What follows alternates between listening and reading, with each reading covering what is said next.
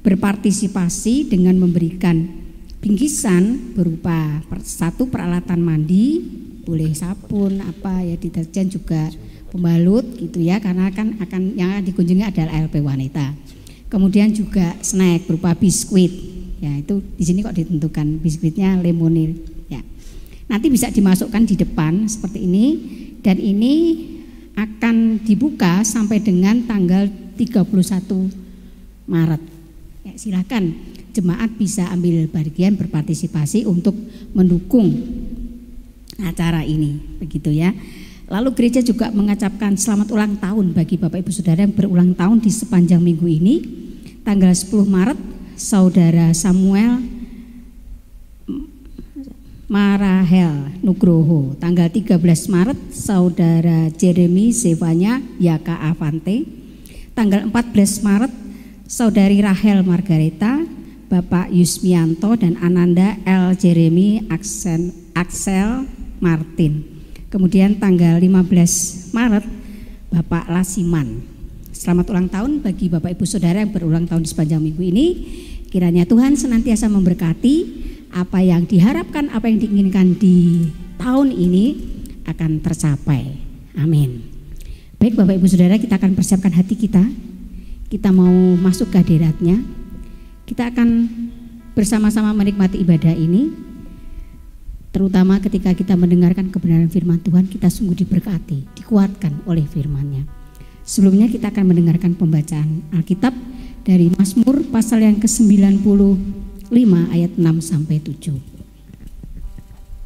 Hormatilah Tuhan dan taatilah Dia. Masuklah, marilah kita sujud menyembah, berlutut di hadapan Tuhan yang menjadikan kita, sebab Dialah Allah kita dan kitalah umat gembalaannya dan kawanan domba tuntunan tangannya. Mari Bapak Ibu Saudara kita masuk ke diri Tuhan. Kita mau lebih dekat dengan dia. Kita mau katakan Bapa, aku mau dekat dengan engkau. Sehingga aku menikmati hadiratmu dan peroleh berkatmu. Bapa, pegang tanganku. Lebih dekat dengan aku Tuhan. Aku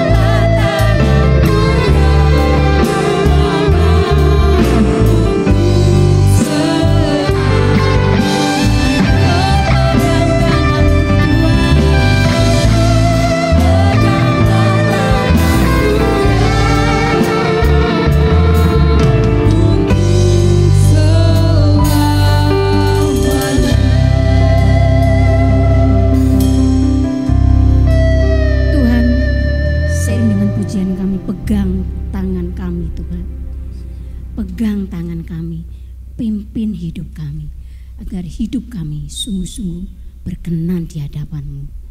Agar hidup kami sungguh-sungguh menghidupi firman-Mu Tuhan. Tuhan pimpin ibadah ini dari awal sampai dengan akhirnya. Setiap kami ambil bagian dalam pelayanan sore ini, malam ini.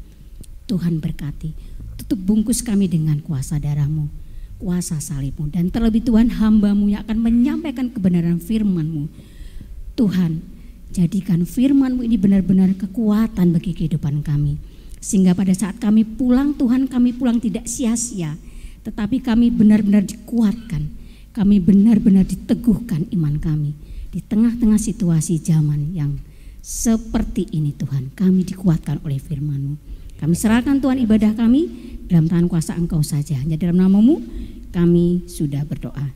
Amin. Amin. Selamat sore saudara. Coba lihat kanan kiri, depan belakang. Oke, ya bisa disapa. Oke. Ya, gereja kita hari ini, uh, bulan ini mengambil tema yaitu menjadi bagian dalam tubuh Kristus.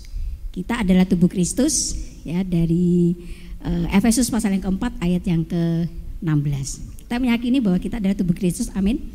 Amin ya. Untuk itu senantiasa kita mau mengagungkan Dia. Kita mau katakan bahwa Dia adalah raja segala raja. Dia raja.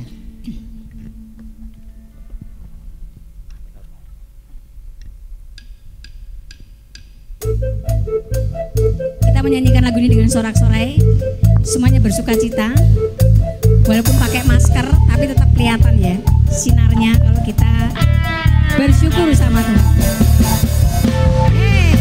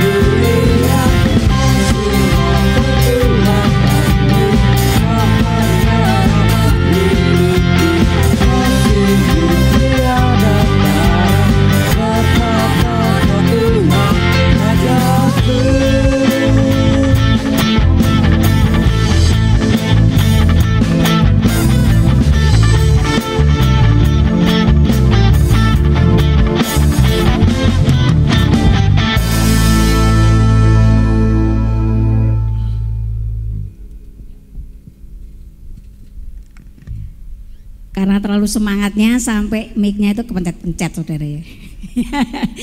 Sering mati. Baik saudara, Allah kita adalah Allah yang mulia, benar?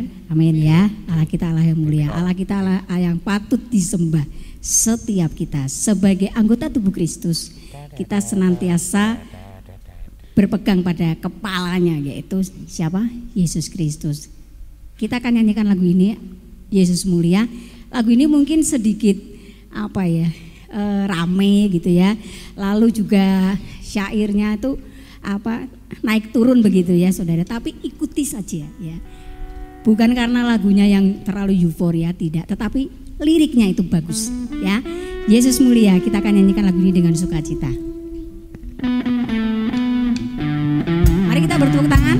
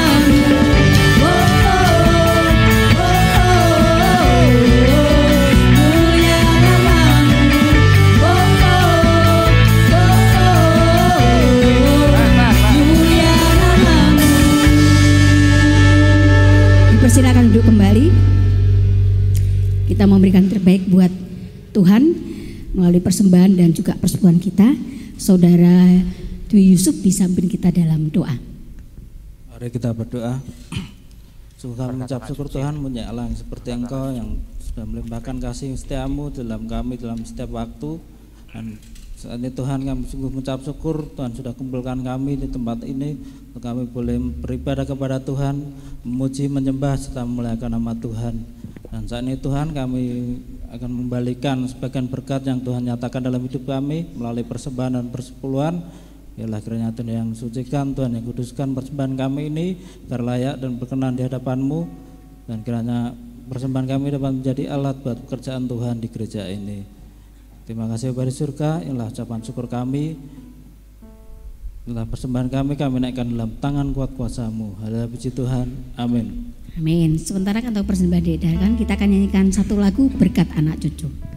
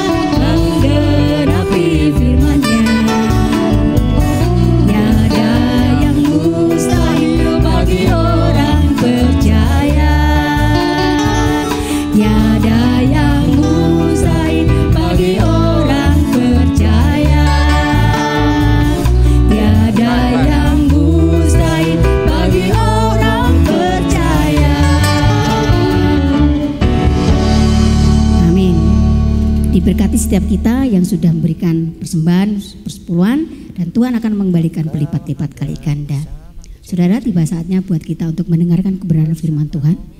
Kita mau katakan, saya mau dekat denganmu Tuhan. Saya membuka hati kami. Hatiku Tuhan, aku buka. Karena setiap musim di kehidupanku, Engkau hadir. Bersamamu Bapa.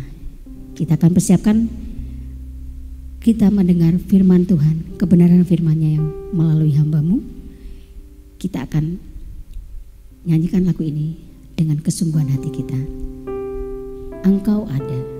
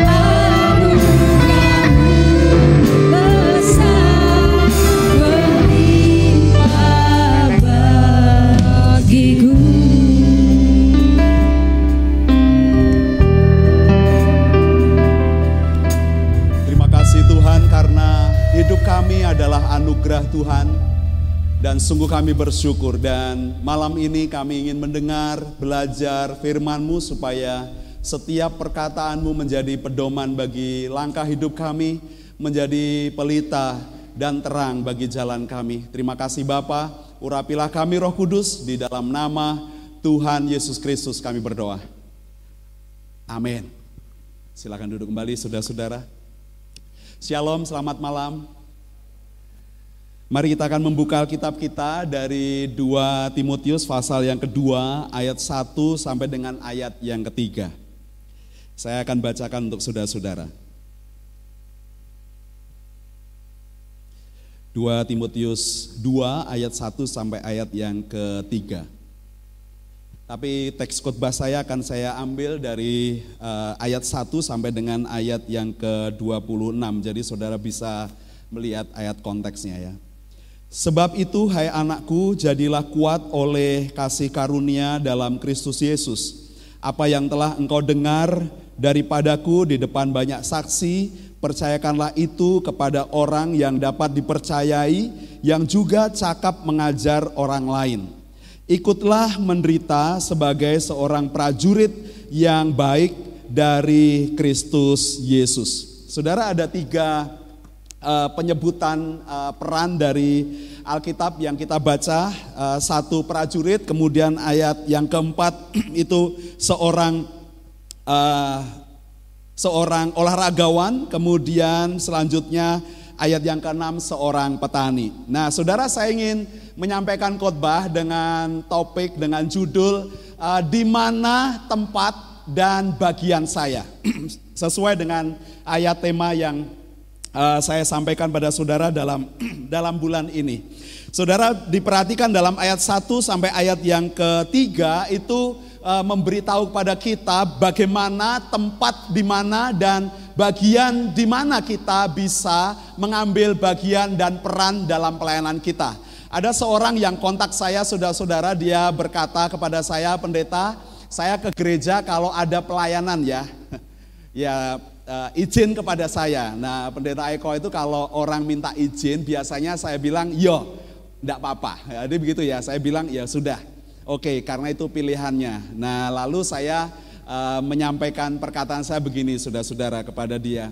Berarti kalau kamu tidak ada jadwal pelayanan di gereja ini, artinya kamu tidak akan pernah datang ke gereja ini. Tidak dijawab, saudara. Jadi tidak pernah dijawab. Ya, saya selalu memberikan kebebasan karena itu adalah uh, manusia. Kita memberikan kebebasan karena Allah pun memberikan kebebasan untuk kita bisa memilih mana yang benar, mana yang baik, mana yang berkenan pada Allah, apa yang uh, diperkenan oleh Allah, apa yang baik, apa yang tidak. Itu dilakukan karena kita bukan robot, saudara-saudara. Jadi saya lebih baik memberikan pilihan supaya orang bisa tahu di mana tempat dan bagian seperti apa saya bisa ikut ambil bagian di dalamnya. Saudara, saya punya gambar yang pertama, misalnya kalau uh, perusahaan Anda, keluarga Anda, gereja Anda seperti gambar ini saudara-saudara, ya seperti gerobak ini, uh, saudara tahu masalahnya gerobak ini di mana saudara? Di roda ya. Dan saudara juga tahu jalan keluarnya ada di mana? Di roda itu. Tapi di atas uh, di bagasi itu ada roda ya, ada roda. Roda bentuknya bulat tapi yang dipakai persegi. Jadi itu uh, menimbulkan persoalan saudara-saudara. Nah, kalau kita menjalankan organisasi kita, kehidupan kita, keluarga kita, termasuk persekutuan gereja kita, macam ini biasanya ini orang yang di belakang mendorong-dorong saudara-saudara. Ayo tarik dong, tarik dong. Kita ini udah kerenggosan untuk dorong. Tapi yang di depan dia berkata, kamu tidak tahu kita ini juga geret-geret. Kamu supaya maju, ayo maju. Yang berusaha lebih keras lagi dong, begitu ya. Bisa ada uh, konflik, ada orang seorang terhadap yang lain tidak memahami uh, peran masing-masing. Mereka mungkin menyalahkan karena memang gerobaknya tidak bisa berjalan maju lebih cepat dari ekspektasi. Saudara kita tahu bahwa eh, persoalan-persoalan kita mungkin orang akan merasa berkata aku sudah tarik, aku sudah berusaha, kamu kurang usahanya. Jadi mohon lebih lagi dong. Ada mungkin di situ keegoisan, orang merasa lebih kuat daripada orang lain, ada uh, apa keangkuhan, egoisme dan lain sebagainya dan orang bisa ada keretakan, males karena gerobak yang kita dorong tidak pernah maju. Tapi coba gambar yang kedua saudara-saudara kita punya gambar yang seperti ini. Ini pakai energi kinetik, tidak perlu didorong lagi, tinggal membuat layar terkembang, kemudian memanfaatkan angin dan angin mendorong dan orang sudah tidak ada usaha lagi. Nah, saudara-saudara, apa yang kita bisa uh, lihat dalam uh, konteks ini? Pasti orang sudah merasa nyaman baru kalau gerobaknya sudah bisa berjalan, baru kita tahu ke mana tujuan yang akan kita capai. Saudara tidak lebih tidak kurang bahwa seperti inilah gereja, saudara-saudara. Persekutuan orang percaya, anak-anak Tuhan ada dalam kerajaan Allah. Bagaimana setiap orang hidup tahu di mana Allah menuntun kehidupannya sehingga kita tahu membedakan mana yang benar, mana yang tidak, mana yang berkenan ke hadapan Allah, mana yang tidak sehingga kita ngerti ke mana kita tuju. Apa yang Tuhan kehendaki dalam kehidupan kita. Saudara, itu artinya kita perlu ada di dalam Tuhan, ngerti suara Tuhan, bisa berkomunikasi dengan Tuhan, memahami firman dan mau ada di trek jalan firman Tuhan yang sama. Yang pertama saudara-saudara yang harus terjadi dalam kehidupan kita kalau semua orang bertanya pendeta di mana tempat dan bagian saya bisa terlibat di dalam pelayanan. Saudara yang pertama yang diperlukan adalah kultur yang baik dari gereja supaya gereja bisa menghasilkan kepemimpinan yang memberdayakan. Saudara gereja baptis itu gereja yang berbeda dengan gereja yang lain kita punya kultur yang berbeda dengan gereja lain, kita punya tradisi yang berbeda dengan gereja lain. Kita, saudara-saudara, setiap kita mungkin tidak seperti gereja lain ya, yang secara profesional orang uh, dengan dibayar dan lain sebagainya dan uang uh, ada dikelola oleh pendeta, itu ada sebagian besar gereja demikian, uang dikelola oleh sebagian kecil saja orang-orang sehingga saudara tidak tahu ke mana Anda ikut terlibat di dalam pelayanannya dan bagian-bagian yang sering dimanfaatkan misalnya tempat pencucian uang ada di gereja saudara-saudara. Kita juga ada dalam konteks uh, pelayanan dan setiap orang gimana bisa mengikuti. Kalau kultur di gereja baptis, bagaimana setiap orang dipercaya orang dilatih, dan kemudian orang diberi kesempatan untuk melayani. Kita semua punya kesempatan yang sama. Di dalam gereja ini saudara-saudara Anda bukan penonton. Mungkin di gereja lain Anda di entertain, Anda dihibur, Anda ada di sana. Tetapi di gereja ini kita punya kultur setiap orang mengambil perannya dan itu adalah bentuk pelayanan. Saudara-saudara dalam ibadah-ibadah kita, kalau kita memahami kultur, konteks gereja kita, bahwa gereja baptis ini ingin setiap orang bisa melayani saudara-saudara. Bukan saja pelayanan di pelayanan mimbar-mimbar atau altar, tetapi pelayanan-pelayanan yang memuridkan bangsa-bangsa. Saudara itu sebabnya alasan yang pertama ayat 1 sampai dengan ayat yang kedua ada konteks di mana kepemimpinan yang harusnya melakukan pemberdayaan. Paulus saudara-saudara dia memberdayakan Timotius bukan saja Timotius sebagai seorang yang muda tapi ada Silas, ada Titus, ada Filemon, ada Epaphroditus, mereka orang-orang muda tetapi mereka diberdayakan di dalam pelayanan. Di usia Anda, saudara-saudara yang muda, mungkin belum tentu punya kesempatan pelayanan, saudara-saudara. Tetapi kultur gereja kita, sedini mungkin orang ikut ambil bagian. Seorang tokoh namanya Christian Swart, dia memberikan penelitian ada 2 juta profil gambar gereja-gereja di seluruh dunia. Saudara bisa membaca buku Natural Church Development atau uh, eh, NCD, saudara tahu ini ada satu hal yang penting saudara-saudara, apakah di dalam gereja, kultur gereja kita adalah kepemimpinan yang memberdayakan. Saudara lihat apa yang dilakukan Paulus, ayat yang kedua dikatakan, apa yang telah engkau dengar daripadaku, Dia berkata kepada Timotius, dia melatih Timotius, dia menempa Timotius, dia banyak ngomong dengan Timotius, dia memberi teladan kepada Timotius sampai Paulus bisa berkata, "Kamu sudah mengikuti caraku hidup, kamu juga mengikuti pikiranku, bahkan kamu ikut menderita bersama dengan aku." Saudara-saudara, dia seorang yang mau melekat, saudara, orang yang mau dimuridkan, orang yang banyak dekat dengan mentornya. Saudara tidak akan pernah mendapatkan, diberdayakan, dan akan uh, meningkat kapasitas Anda kalau Anda tidak tunduk kepada kepemimpinan. Kepemimpinan yang paling penting di dalam gereja yang perlu dilakukan saudara-saudara, teladan bagi gereja kita yang perlu dilakukan adalah kepemimpinan yang memberdayakan. Kepemimpinan itu subjeknya, dan memberdayakan adalah kualitasnya. Saudara perlu tahu ada kepemimpinan, semua ada kepemimpinan, tetapi apakah ada kualitas untuk memberdayakan orang? Dan bagaimana kita bisa mengerjakan saudara-saudara? Ayat 1 dan ayat 2 ini adalah pintu masuknya.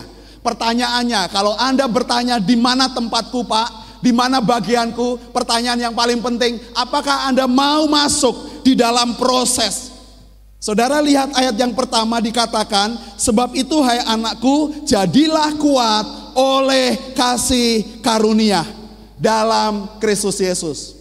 Jadilah kuat. Apakah Anda mau masuk ke dalam proses ini? Karena tidak mudah tentunya. Ayat 1 mengatakan Anda masuk di dalam kehidupan sebagai seorang murid yang mau kuat di dalam Kristus Yesus. Dan bukan berhenti di situ. Ayat yang kedua dikatakan dia juga mau masuk dalam proses untuk dimuridkan dan kemudian memuridkan orang lain. Saudara ini yang kita kerjakan di dalam gereja. Saya ingin setiap Anda, setiap Anda punya kesempatan untuk dimuridkan dan sekaligus memuridkan. Saudara jangan pikir berfilosofi bahwa penting bagi saya yang cukup bagi saya hanya ibadah, saudara-saudara. Anda baru melayani Tuhan, saudara.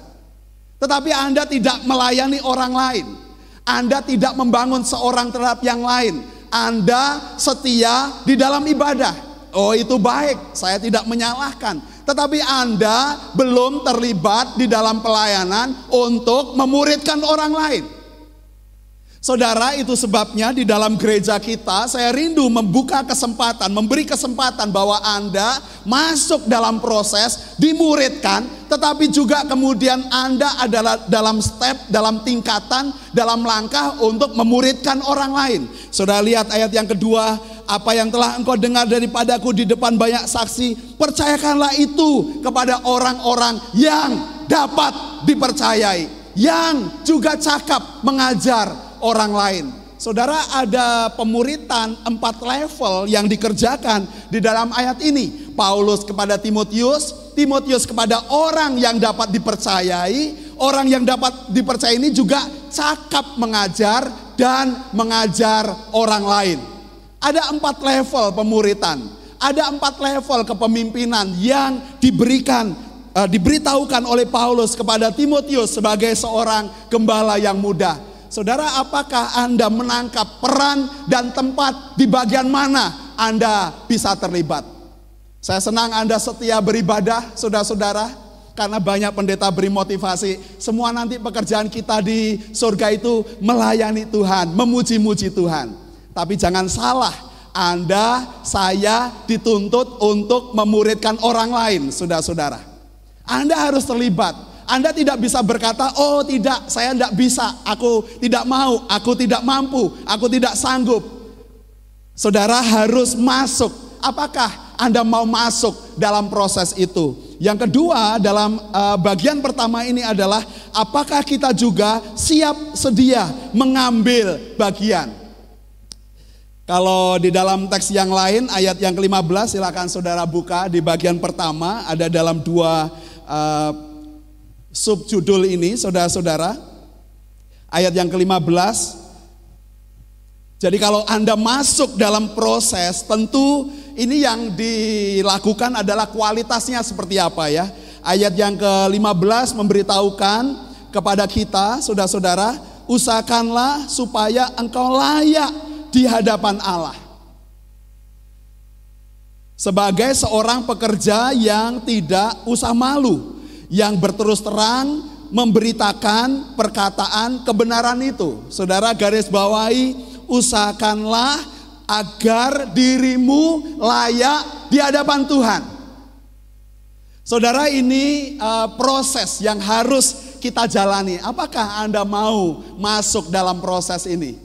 Yang kedua, saudara siap sedia untuk kita mengambil bagian. Nah, ayat yang ketiga, saudara-saudara, ada frasa yang menarik di situ, ikutlah menderita. Ikutlah menderita. Saudara juga bisa lihat di dalam uh, 2 Timotius pasal yang ketiga, saudara-saudara. Pasal 3 ayat 10 sampai dengan ayat yang ke-11. Itu diulangi lagi ya dalam tulisan Paulus. Tetapi engkau telah mengikuti ajaranku, cara hidupku, pendirianku, imanku, kesabaranku, kasihku, dan ketekunanku.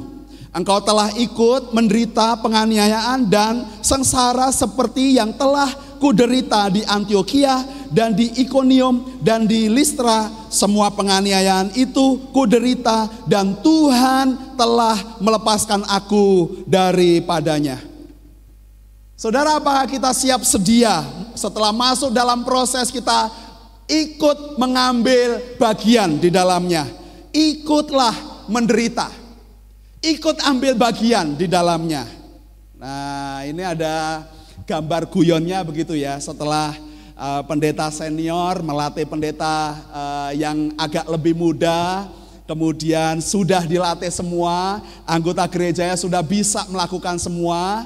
Terus mereka berkata, Pak Pendeta terima kasih sudah beri uh, kami kesempatan. Sekarang boleh pergi selamat jalan sampai jumpa lagi. Mungkin begitu ya. Nah, itu anekdot saudara-saudara ya.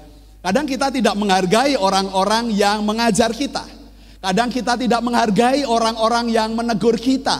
Karena kita lebih condong kepada suara-suara yang mendukung kita. Nah mari kita lihat dalam Ibrani pasal yang ke-13 saudara-saudara. Ibrani pasal yang ke-13 ayat yang ke-7 dan 8. Ibrani pasal 13 ayat 7 dan 8. Ingatlah akan pemimpin-pemimpin kamu yang telah menyampaikan firman Allah kepadamu.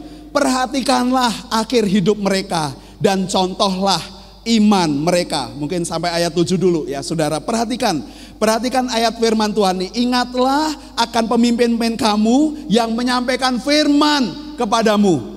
Lalu tidak berhenti di situ, ayatnya dilanjutkan, perhatikanlah akhir hidup mereka dan contohlah iman mereka. Saudara, apakah Anda kenal saya? Apakah Anda kenal saya uh, orang yang otentik yang ada dalam hidup Anda ya, yang bergaul dengan Anda, saudara ngerti pikiran saya, saudara ngerti hidup saya, Anda tahu rumah saya, Anda tahu istri saya, Anda tahu anak saya, Anda bisa mengenal saya lewat pikiran dan perkataan anak saya.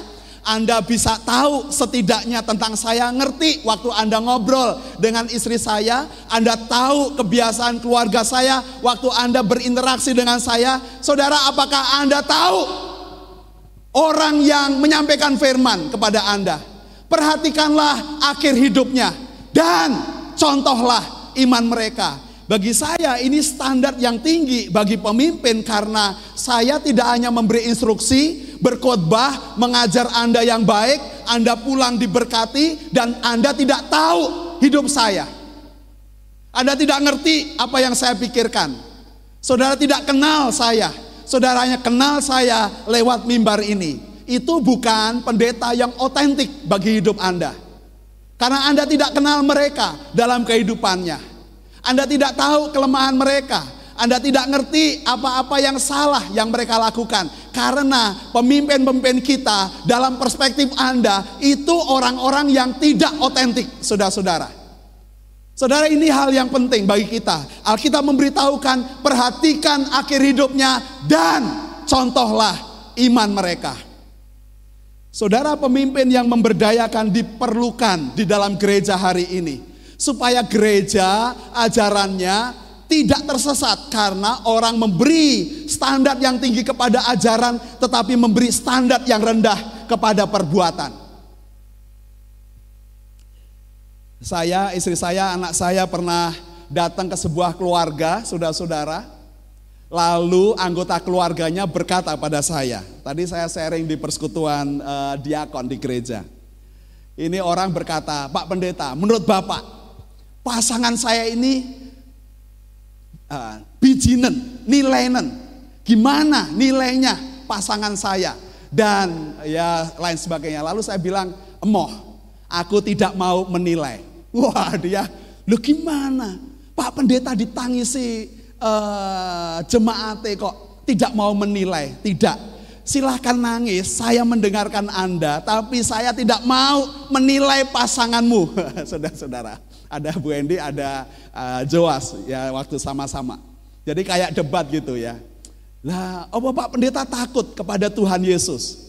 Lah saya bilang, iya aku takut pada Tuhan Yesus. Lah apa Anda berani kepada Tuhan Yesus? Jadi juga Anda bisa ngomong ya saudara-saudara. Saudara kita perlu uh, belajar bagaimana punya kehidupan yang otentik, saudara-saudara. Anda bisa tersesat karena kita tidak tahu ke mana kita melangkah, di mana posisi kita, dan bagaimana saya bisa terlibat. Apakah kita gampang terlibat uh, genderang orang lain untuk menjelekkan orang, saudara-saudara? Apakah kita bisa dengan mudah untuk menjelek-jelekkan orang yang kita tidak ngerti fakta, tidak ada buktinya, tidak ada datanya, sehingga kita dipaksa untuk memberi penghakiman kepadanya. Saya bilang, aku lebih takut kepada Tuhan Yesus karena aku nggak punya data, dan saya pun tidak mau dalam posisi itu. Lah apa Pak Pendeta ini berarti takut Tuhan Yesus? Iya, aku takut Tuhan Yesus. Lah apa kowe wani sama Tuhan Yesus ya, saudara-saudara? Akhirnya ya guyon ya, oh iya ya. Nah, kadang orang demikian saudara-saudara. Nah saya ingin menjadi pemimpin bagi uh, Anda, bagi orang-orang itu menjadi pemimpin yang otentik saudara-saudara. Pemimpin kepemimpinan dalam gereja yang memberdayakan. Yang kedua saudara-saudara. Yang kedua, kita bisa mengambil bagian pelayanan yang berorientasi kepada karunia. Dan itu hal yang sangat penting bagi kita supaya pekerjaan Injil itu mendapatkan kemajuan saudara-saudara. Anda bisa perhatikan dalam ayat yang ke-21 dalam kesimpulannya sampai ayat yang ke-26 itu dikatakan bahwa perabot yang baik itu dikhususkan untuk pekerjaan-pekerjaan yang mulia. Ada perabot yang terbuat dari emas perak, ada perabot dari kayu dan rumput yang bisa dengan mudah terbakar. Alkitab memberikan analogi yang baik saudara-saudara. Tuhan tentu ingin orang-orang yang layak untuk melayaninya. Tetapi kita mau maju sehingga Alkitab memberitahu usahakanlah kamu layak di hadapan Tuhan. Karena dia menghendaki untuk memelihara pekerjaan-pekerjaan yang mulia dengan perabot-perabot yang mulia. Saudara itu hakikatnya pemimpin-pemimpin. Setiap kita sudah-sudah diberi kesempatan, kita memberikan kesempatan bagi kita untuk berusaha, untuk layak di hadapan Tuhan. Karena itulah passion kita, kerinduan kita. Karena dia mau memakai kita untuk maksud dan pekerjaan yang mulia. Saya selalu mengulang-ulang ini baik pada saudara maupun pada anak saya khususnya. Saya bilang sama Joas, Joas mau kerja apa saja, monggo silahkan. Anda pilih semua. Ya kadang orang tua itu kan uh, selalu mikirin sesuatu. Tapi saya berkata yang penting kamu bisa khotbah. Yang penting kamu belajar firman Tuhan.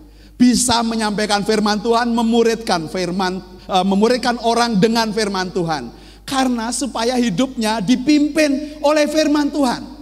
Saudara kalau kita tidak mau menyerahkan diri kita dipimpin oleh Tuhan, bagaimana kita mempersiapkan diri kita menjadi perabot yang mulia untuk maksud yang mulia. Bagaimana bisa? Saudara kita banyak tertipu dengan orang-orang yang melayani dengan hebat, dengan luar biasa, tetapi pekerjaan rumah mereka PR-nya besar banget. Mereka uh, orang ada dalam penyimpangan seksual, mereka abuse kepada anak-anak secara seksual, mereka juga uh, berselingkuh, mereka tidak setia kepada pasangannya. Saudara-saudara, mereka orang yang boros, saudara-saudara, mereka tidak bisa uh, menjaga kepercayaan orang lain dan itu mendera gereja-gereja yang diserang pemimpin-pemimpinnya, saudara-saudara. Kalau sebuah gereja akan gagal kalau pemimpinnya yang diserang. Maka kita perlu menjaga, memproteksi pemimpin-pemimpin kita, saudara-saudara. Maka saya bilang salah satunya kepada anggota gereja itu, aku mau suruh menghakimi pasanganmu. Saya takut sama Tuhan Yesus, saudara-saudara. Saudara itu hal yang uh, perlu dikerjakan. Yang kedua saudara-saudara dalam uh, beberapa ayat di Amsal, saya mengutip semua dari ayat Amsal, itu ada eh, ayat-ayat uh, yang berbeda yang ingin saya uh, sampaikan pada saudara, itu beberapa ada yang salah, uh, tidak sesuai dengan apa yang saya maksud. Saudara bisa lihat uh, kesimpulannya ada karakter dan karunia itu akan menghasilkan, akan membuat kita bisa produktif saudara-saudara. Kalau berdasarkan Timotius pasal 2 ayat yang kedua itu jelas ya. Paulus menghendaki orang ayat yang pertama kuat. Jadi ada kualitas karakternya di situ, menjadi orang yang kuat, tetapi juga dibina keterampilannya. Orang mendengar, dimuridkan, kemudian mempercayakan kepada orang yang dapat dipercayai, yang juga cakap mengajar orang lain. Berarti ada kualitas sekaligus juga uh, kualitas uh, keterampilan, karunia yang diberikan, tetapi juga ada kualitas karakter. Dan dua ini menghasilkan produktivitas yang tinggi. Saudara itu yang mau dikerjakan di dalam kehidupan kita bukan? Kita rindu ada karakter yang baik, tetapi juga kita mengejar dengan cepat ada karunia-karunia ada keterampilan, ada skill yang diperlukan sehingga kita akan lebih cepat berbuah. Kita lebih cepat untuk memproduksi. Anda punya karakter bisa dengan cepat ada produktivitas yang tinggi karena kita mempunyai karakter yang baik, tetapi juga kita mau memakai karunia, talenta, keterampilan kita. Saudara, ini hal yang kita lihat di dalam Amsal. Mari kita akan buka dari Amsal 11 ayat yang ke-30. Hasil orang benar adalah pohon kehidupan dan siapa bijak mengambil hati orang. Jadi kalau itu saya terapkan dalam hidup saya, saudara, ya penting kita bisa memenangkan hati orang. Nah ini hal yang luar biasa ya. Saya nggak butuh apa-apa yang diberi secara materi, tapi saya butuh mengambil hati orang, menyenangkan hati orang. Saudara itu yang namanya kita mendapat perkenan, saudara-saudara. Kita akan diperkenan. Wah itu dikatakan itulah hasil orang yang benar, karakter orang yang benar. Kemudian lihat uh, Amsal 13 ayat yang ke-23. Huma orang miskin, huma itu boleh katakan sawah atau ladang, saudara-saudara. Huma orang miskin menghasilkan banyak makanan, tetapi ada yang lenyap karena tidak ada keadilan. Mungkin saya punya sedikit, saudara-saudara, sawah yang kecil, orang yang miskin, tetapi menghasilkan banyak makanan. Saudara, bukankah ini diperlukan keterampilan, diperlukan skill dan passion untuk bisa punya karunia dan akhirnya menghasilkan hal yang produktif. Saudara lihat Amsal yang ke-15. Amsal 15 ayat yang ke-6. Di rumah orang benar, berarti ada karakter ya. Di rumah orang benar ada banyak harta benda. Tetapi penghasilan orang fasik membawa kerusakan. Kemudian lihat juga di Amsal 16 ayat 8, lebih baik penghasilan sedikit disertai kebenaran daripada penghasilan banyak tanpa keadilan.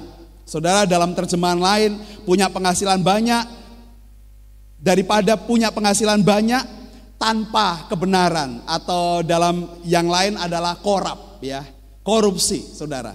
Lebih baik punya sedikit penghasilan disertai kebenaran daripada penghasilan banyak tanpa keadilan.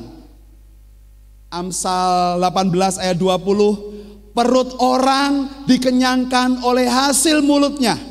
Ia dikenyangkan oleh hasil bibirnya.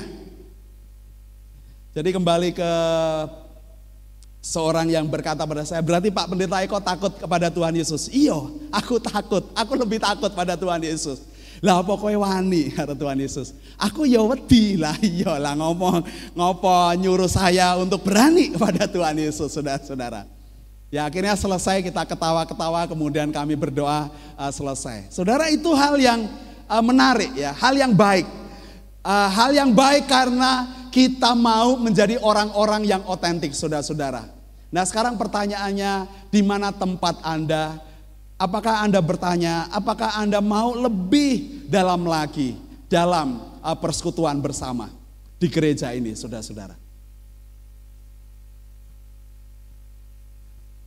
Aku tuh bilang kepada uh, udah bolak-balik, aku tuh udah ini udah empat tahun ya. Saya merasa bahwa empat tahun itu kan lama kan, lama dan kemudian masa pandemi kita break masa pandemi hampir uh, uh, tiga tahun jalan ya saudara-saudara. Dan uh, tidak mudah juga bagi saya saudara-saudara tapi uh, ada hal yang saya rindu saudara-saudara.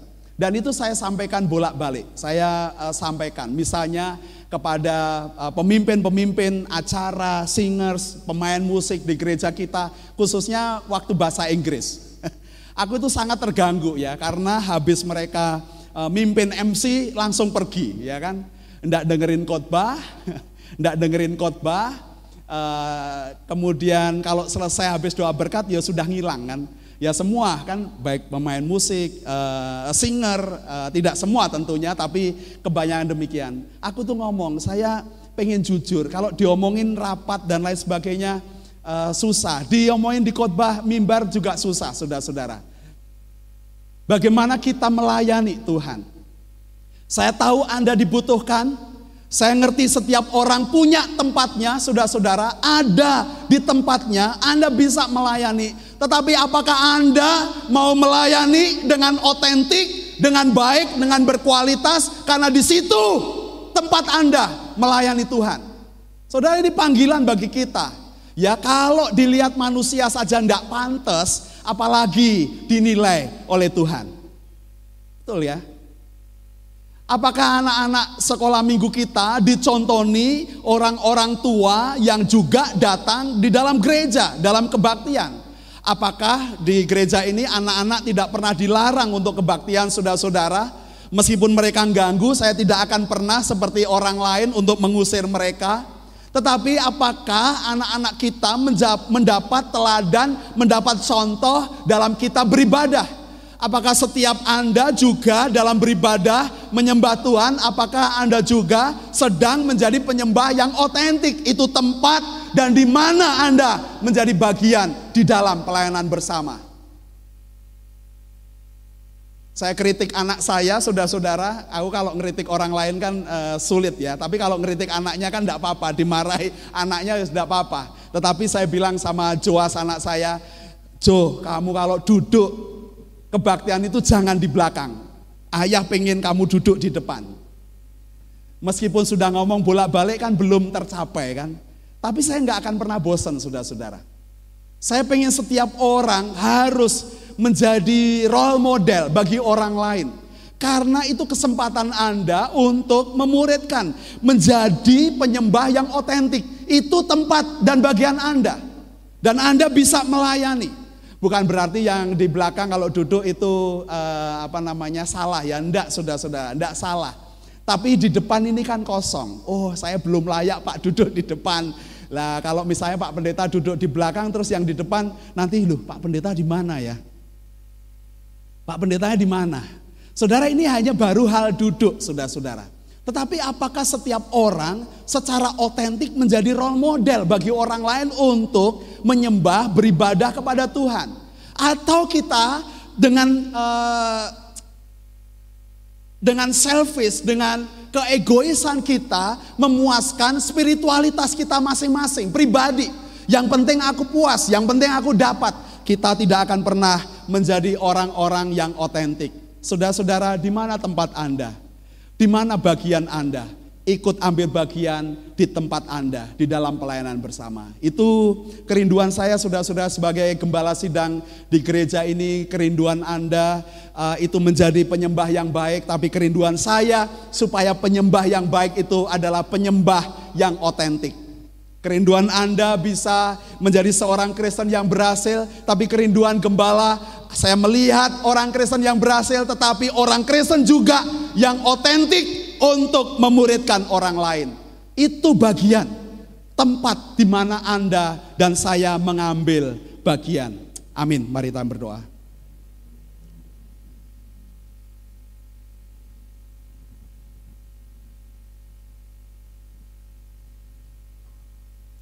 Silakan saudara berdoa secara pribadi kepada Tuhan.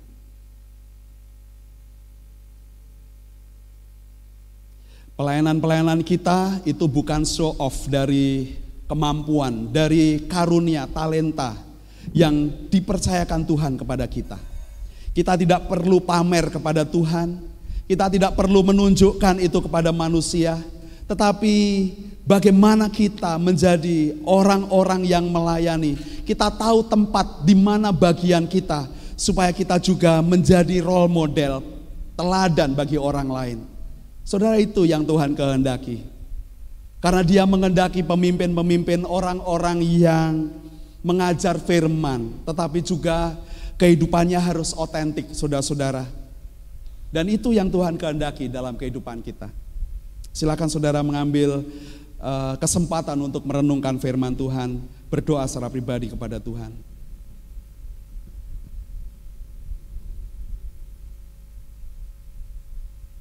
Kasih Tuhan.